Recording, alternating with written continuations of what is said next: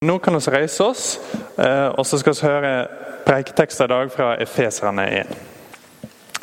De får heller ikke opp med å takke Gud for dykk når jeg husker på dykk i bønnene mine. For jeg har hørt om dykkar tru på Herren Jesus, og om dykkar kjærleik til alle de heilage. Jeg ber om at vår Herre Jesu Kristi Gud, herligdommens Far, må gi dere visdoms- og åpenbæringsande, så det lærer Gud å kjenne. Må Han lyse opp øynene til deres hjerte, så dere får innsikt i hva håp Han har kalt dere til. Hvor rik og herlig arven er for de hellige, og hvor overveldende Hans kraft er mellom oss som tror. For Hans makt og styrke er veldig. Med denne krafta reiste han Kristus opp fra de døde og satte han ved Guds høyre hand i himmelen. Over alle makter og herredømme, over alt velde og alle som styrer, og over hvert navn som nevnes kan. Ikke bare i denne tidsalderen, men òg i den kommende. Alt la han under hans føtter, og han som er hoved over alle ting, har han gjeve til kirka, som er Kristi kropp, fylt av Han som fyller alt i alle. Jeg valgte denne teksten i dag for jeg hadde lyst til å tenke litt for min egen del og for deres del om hvorfor jeg er her, og om hvorfor dere er her. Så Dette er en av Paulus sine bønner. Den er for efeserne. Og Den handler om at han ønsker at de skal kjenne Gud mer. Og Det er det jeg også ønsker. også, ikke sant? Så det er kjekt å se hvordan er det Paulus ber for efeserne? For Han begynte med å si at dette er en menighet i Efesos som er kjent for to ting. De er kjent for trua deres på Gud. Han sa det helt i starten at han har hørt om deres tru på Herren Jesus. Han har hørt om deres kjærleik til alle de hellige. Så de er kjent for to ting. De har stor tru, og de har et godt fellesskap. Så det er egentlig en menighet som har ting på plass. Ting er bra, og ting er sånn som det skal være. Ehm, og Likevel så fortsetter han å be for dem at de skal få kjenne Gud mer og mer. Og Mitt inntrykk er at det er sånn Sykkylven kirke er også. Dette er en menighet der dere tror, dere har et godt fellesskap. Og Likevel så lengter vi etter å kjenne Gud mer og mer. Og så er ikke fornøyd med å bare kjenne litt av Gud. Og så lyst til å stadig kjenne ham bedre og bedre og dypere og dypere. Så Derfor er det veldig spennende å se på den bønna her som Paulus ber. Hva er det egentlig han lengter etter for dem? Hvordan er det de kan kjenne Gud bedre? Eh, og hvem er det som er nøkkelen til å kjenne Gud bedre? Så det skal vi se litt på nå. Hvis, hvis du har arket ditt, så ser du at det står jeg ber om at vår Herre Jesu Kristi Gud, herligdommens Far, må gi dere visdoms- og åpenbæringsande, så det lærer Gud å kjenne. Så Bønna handler om å lære Gud å kjenne. Det er det Paulus fokuserer på. Men han har den lille kryptiske introduksjonen der om at vår Herre Jesu Kristi Gud, sånn, kanskje litt uvant, er, er Gud, Jesus sin Gud også.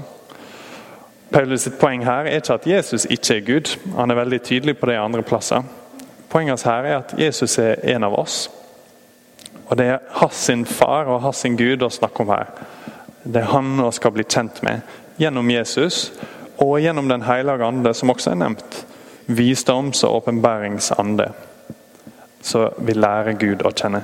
Og Paulus vet eh, at dette er vanskelig. Jeg vet at det er vanskelig, dere vet at det er vanskelig å bli bedre og kjent med Gud. Og det er uavhengig av hvor jeg er. Kanskje, kanskje er du akkurat blitt interessert. At du kjenner noen som er kristne, og som snakker om sitt forhold til Gud. Nok til at du er blitt interessert og tenker ok, jeg har lyst til å bli bedre kjent med Gud. Men det er vanskelig. Hva, hva gjør oss nå, liksom? Eh, hvordan skal vi bli kjent med Han som er så stor og så vanskelig å få helt taket på? Men det er også vanskelig selv om du har vært kristen hele livet, så lenge du kan huske, og du har gått her i mange år kanskje. Så er livet tungt, ikke sant? Det er vanskelig å bli bedre kjent med Gud. Det går ikke av seg sjøl. Og Det er litt av poenget. Det er derfor jeg er her. Jeg syns det er vanskelig å bli bedre kjent med Gud, så jeg har lyst til å gjøre det i lag med dere. Og det er derfor dere er her, sånn at vi kan bli bedre kjent med Gud i lag. For hvis vi bare ser en liten flik ekstra av hvor god han er, og hvor stor han er, så vil det forvandle oss. Ok, Men hvordan skjer dette? Paulus fortsetter eh, rett etter det vi leste i stad. Må han lyse opp øynene til dere i hjertet, så dere får innsikt i hva håp han har kalt dere til, og hvor rik og herlig arven er for de hellige. Så nok en litt sånn kryptisk formulering. Han sier må han lyse opp øynene til deres hjerte, så har hjertet øyne nå plutselig. Men tanken der er at vi virkelig skal se djupt. At hjertet vårt skal få lys, sånn at vi kan forstå. Og jeg tenker litt på det sånn at Ofte når jeg leser Bibelen, så skjer ikke det så masse.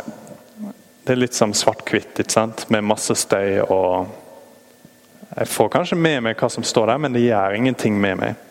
Eh, kanskje jeg er trøtt om morgenen, jeg leser en eller annen kjempebra tekst, men jeg får ingenting ut av det. Og så er det andre stunder, av og til, der Gud gir lys til hjertet vårt, at øynene til hjertet vårt ser. Så kan hende vi leser akkurat den samme teksten, men Gud gir den til oss som en gave. Plutselig så ser oss. Det er noe som vi ber om. Og han gir lys til øynene til hjertet vårt, sånn at vi virkelig kan se. For jeg lest Bibelen med veldig smarte folk som forstår alt som eh, står der, og de forstår poenget, liksom. Ok, Jesus er viktig, han er god. Men de ser ikke det virkelig. Og Sånn er det ofte med meg. Jeg ser ikke det virkelig, men av og til så ser oss. Av og til så forvandler det oss dypt, av og til så rører det oss sånn at vi ikke blir det samme igjen. Da lærer vi å kjenne Gud bedre. Jeg lengter etter mange sånne stunder. Gjør ikke dere med det? Til å se litt mer av Gud. Og til å høre noe som noen sier, eller lese noe sjøl, og så er det som frisk luft om høsten. Plutselig så ser du. Bare, åh. Så Paulus ber om at det skal være sånn for deg.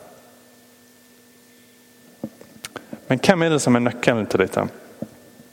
Litt lenger nede så har Paulus en lang liste med ting om Jesus. Den er litt tettpakka, så det er vanskelig å få med seg i starten. Eh, men den begynner med med denne krafta reiste han Kristus opp fra de døde og sette ham ved Guds høyre hånd i himmelen over alle makter og herredømme, over alt velde og alle som styrer, over hvert navn som nevnes kan. Så fortsetter han fortsetter han. En bare lang liste med hvem Jesus er, og hvor stor han er. Og I den teksten som ble lest fra Johannes, så var det samme poenget. Jesus ber en bønn til far og sier, 'Far, løft meg opp, sånn at jeg kan løfte deg opp'. Poenget til Paulus her og til Jesus i den andre teksten er at når Jesus blir løfta opp i livet vårt, det er da vi kjenner Gud bedre. Hvert som Jesus blir større for oss, etter hvert som han blir viktigere for oss, etter hvert som vi går dypere ned i hvor god han er og hvor stor han er, og ser et nytt gram av hans kolossale makt og godhet og nåde, så lærer oss Gud bedre å kjenne etter hvert som Jesus blir stor for oss. Sånn at når livet vårt raser sammen, så er det han oss går til, og ikke til andre ting. Så lærer oss Gud bedre å kjenne. Og Det er ingenting som gjør det mer. Lær oss Jesus å kjenne sånn og løfte han opp i livet vårt. Som at vi ser at han døde for oss. For Tenk litt gjennom det.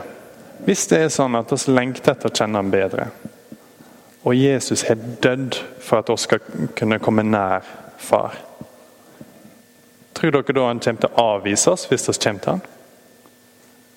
Aldri i livet om han kommer til å si ah, jeg ser at dere lengter etter å kjenne Gud, men passer litt dårlig nå. Han er dødd for det.